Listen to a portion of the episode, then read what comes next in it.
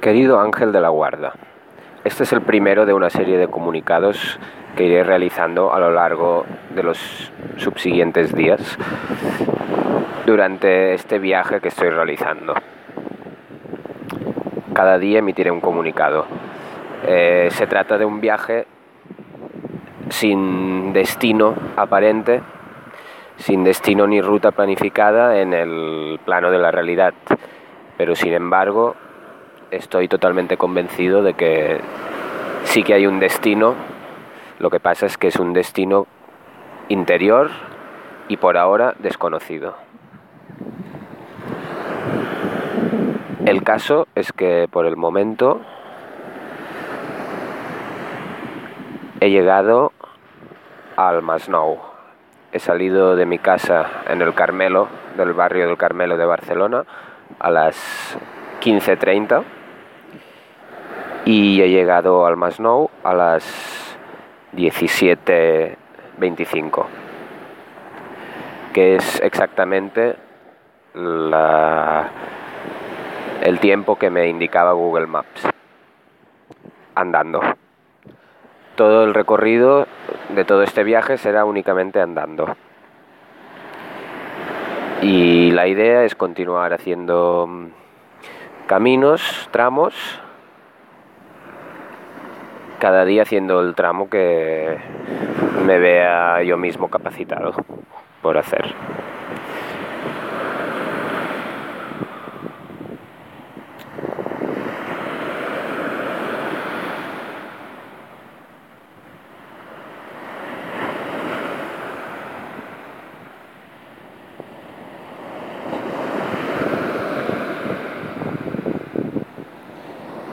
Durante el trayecto del día de hoy, mm, la verdad es que no han sucedido demasiados eventos fascinantes ni dignos de mención. Ha sido un trayecto bastante trivial, que ha sido cruzar el Carmelo, ir por Vila Piscina, ir por San Andreu. Eh, entonces, eh, finalmente he cruzado el río Besós por un puente una zona que era bastante hostil.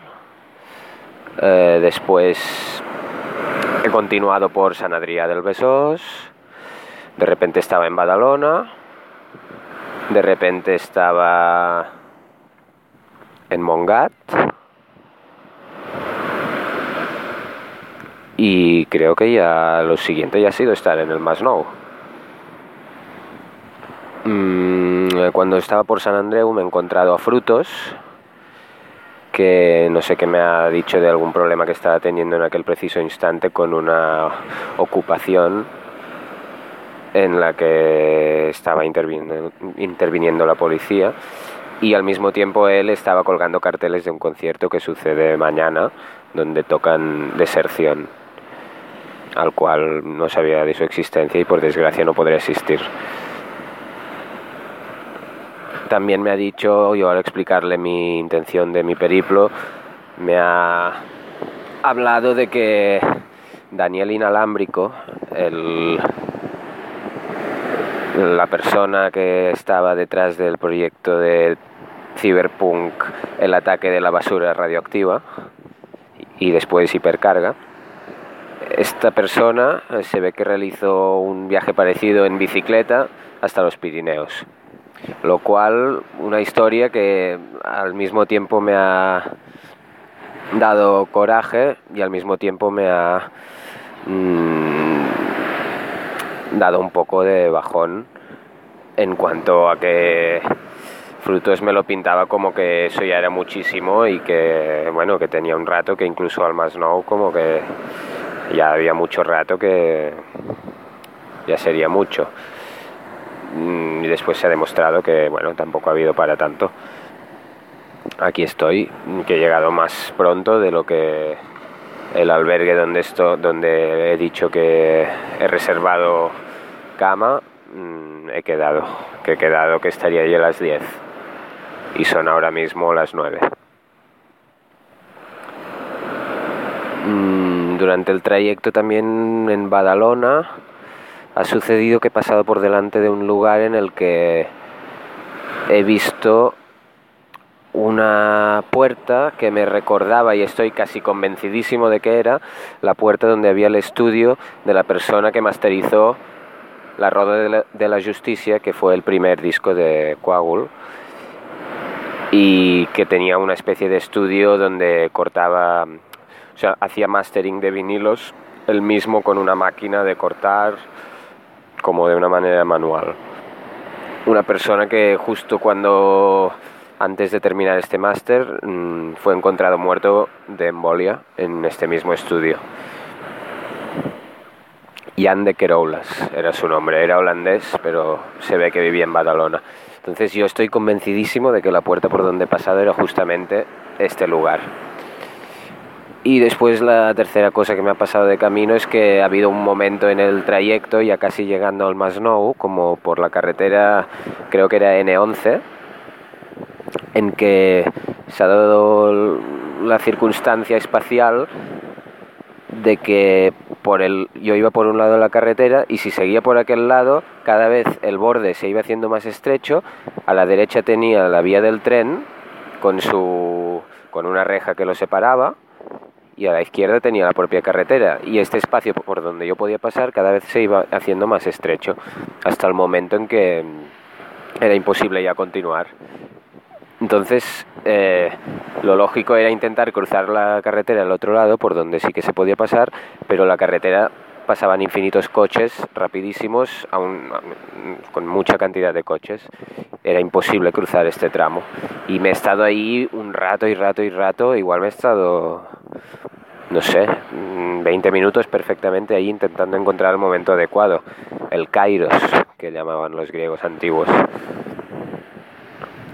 Mm, y al final he avanzado un poco más por unas partes muy difíciles de acceder que estaban llenas de matorrales, por este trozo que cada vez era más estrecho, hasta cuando ya realmente era literalmente imposible continuar avanzando. Sí que he salido y he hecho como unas señales a los coches como para avisar de que iba yo mismo a cruzar y al final he podido cruzar. Y aparte de estas tres cosas, pues como decía, no hay no ha sucedido demasiado demasiados eventos dignos de mención. Es por esa razón que aprovecharé este comunicado para desarrollar un poco más los motivos por los cuales estoy haciendo este viaje. Los motivos principales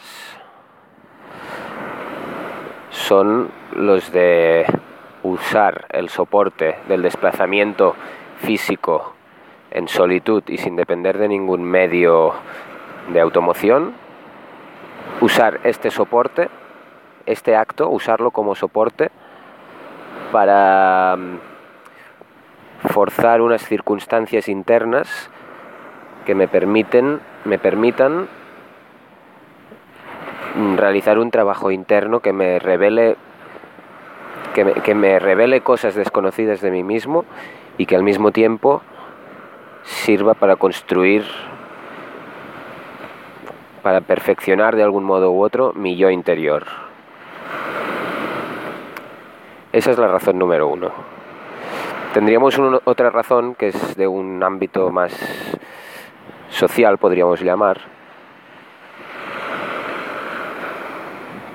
o más que social diría más, mm, más proselitista, que es simplemente el hecho de poner de manifiesto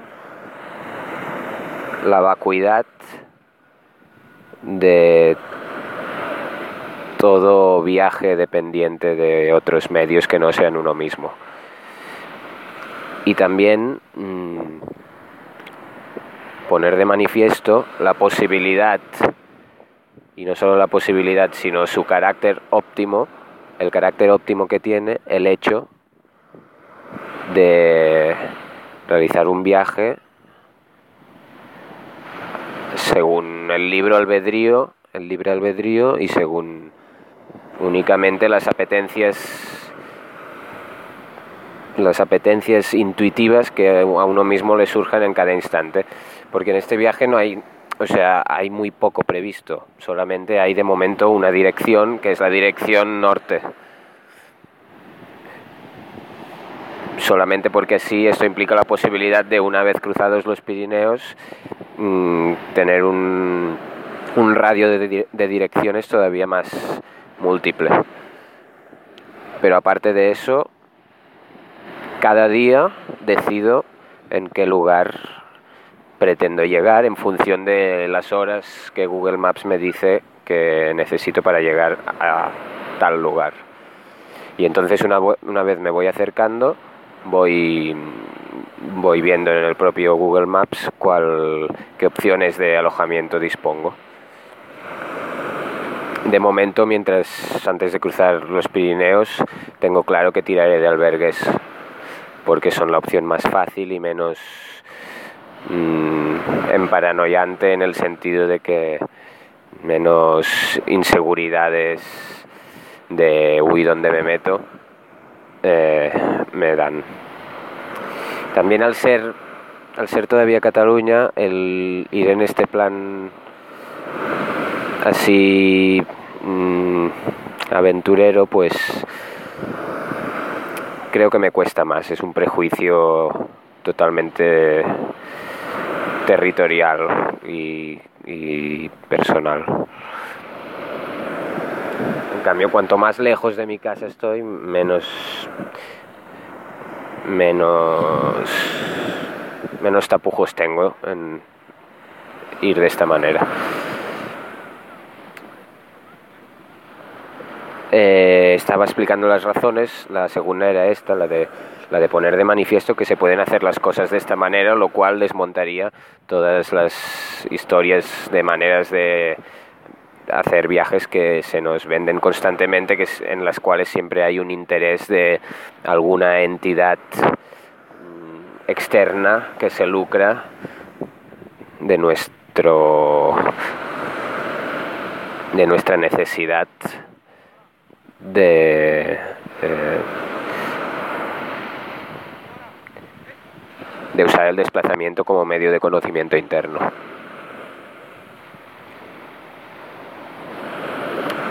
Y la tercera razón, que es la que he ido dándome cuenta a medida que estaba caminando, es la que tiene que ver con el recorrido personal autoiniciático que llevo años llevando a cabo Mm, relacionado con distintas fases que van de la 1 al 10 y que cada una está asociada a una carta del tarot.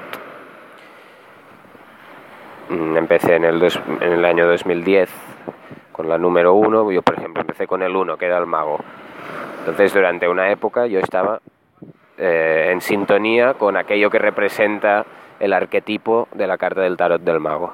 Después con el 2, la papesa, y así sucesivamente y actualmente estoy en la última, que es la número 10, la cual eh, inicié el pasado 5 del 5, que suman 10, del 2017, que 2 más 0 más 1 más 7 suman 10 también, y que es la fase número 10 de la rueda de la fortuna. La carta del el arcano del tarot, conocido como la rueda de la fortuna. Entonces, dicho esto, durante este viaje me he dado cuenta que este viaje precisamente está muy en sintonía con la naturaleza de la rueda de la fortuna, que es, eh, para empezar, la inconcreción y la deriva, el lanzarse uno mismo a la deriva en búsqueda, el buscar, no saber, no saber qué se busca, pero sin embargo buscarlo. Eso es. Entonces, para empezar, eh, otra cosa que se corresponde numerológicamente es que para este, bueno, el día 5 del 5 era mi cumpleaños y es cuando realicé este ritual para invocar la rueda de la fortuna durante un concierto de Coagul en el que me realicé 10 cortes en el pecho. Y esto también está en sintonía con el último, la última obra de Coagul, el último disco de Coagul, que es un cassette en teoría sacado por un sello alemán que se llama Bindu Records, Bindu Sound. Digo en teoría porque el cassette todavía no, no me ha llegado y ha pasado un tiempo, o sea que tengo mis dudas. Pero este cassette, esta obra, se llama Radio Fortuna y consta de 10 canciones. Y cada canción está asociada a uno de los 10 sefirots de la Cábala. Entonces, em, como decía que el 5 del 5 era mi cumpleaños, ese día, como regalo, mi madre me regaló 50 euros.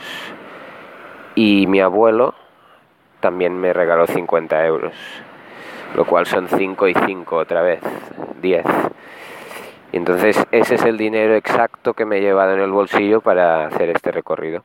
Porque hasta ahora, desde el momento en que me lo dieron, mm, lo guardé en un cajón porque me parecía que era muy simbólico y me sabía mal gastar aquellos billetes. En todo caso, he gastado el dinero de mi cuenta bancaria cuando he tenido que gastar pero aquellos billetes en concreto los he mantenido intacto, no, muy no sabiendo muy bien por qué, y ahora, antes de salir en este viaje, he visto claro que tenía que ser así. Entonces, en relación a lo que decía del cassette de Radio Fortuna, de, en que cada canción es un sefirot, entendidos, se llaman, todas las canciones se llaman la estación de, y a continuación una palabra que hace referencia al Sefirot del que se trata. Los Sefirot son como diez mundos supra supramundanos, valga la redundancia, del, de, en el sistema de la Cábala lo que se llama el árbol de la vida, que es como la estructura de todo el universo. Entonces, en esta cassette, los Sefirot son estaciones. Hay la estación de la providencia, la estación de la sapiencia, la estación de la fuerza, etc. Entonces, em, por una parte, como este viaje, una de las otras cosas que tengo un poco pensadas es que tampoco puede durar mucho más de dos semanas, porque el día 20 tenemos planeado un viaje con Alejandra a Italia. Entonces, y sobre todo también porque el día 14 ella empieza vacaciones y hoy estamos a día 6. Entonces, de repente me ha venido a la cabeza que la, la medida bastante adecuada sería otra vez 10, el número 10, 10 días entonces, si serán 10 días, serán 10 ciudades o lugares donde pasaré la noche, 10 lugares distintos. Entonces, estos 10 lugares he visto que, claro, si son 10, pues serán los 10 Sephirots también. Ahora bien, de momento no puedo tener la más remota idea de qué lugar será que Sephirot.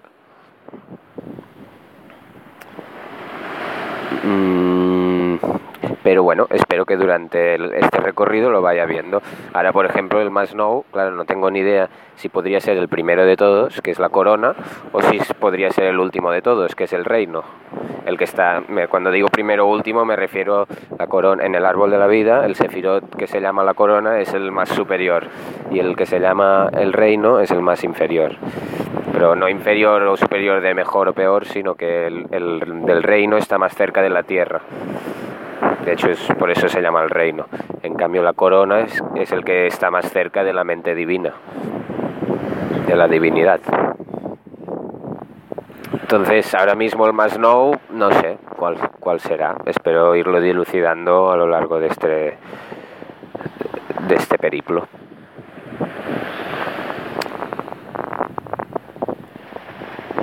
Y creo que... Ah, bueno, también otra cosa que no queda clara es si realmente serán 10 días o si a lo mejor son 19, de tal manera que sea una ida y vuelta por los 10 sefirots. Es decir, que vuelva a pasar otra vez de regreso por las por las mismas localidades aunque ahora pensándolo bien esto es imposible porque no hay suficientes días entre ahora y el día 20. O sea que ya queda totalmente descartado. O sea que creo que lo ideal sería que fueran 10 días. Aún así, la característica principal de este, de este trayecto, como hemos dicho, es la no previsión de cómo irán las cosas. O sea, la no concreción que implica que a lo mejor nada de todo lo que acabo de explicar será tal y como lo he explicado. Dicho esto, no hay nada más que añadir. Gracias por escucharme. Cambio y corto.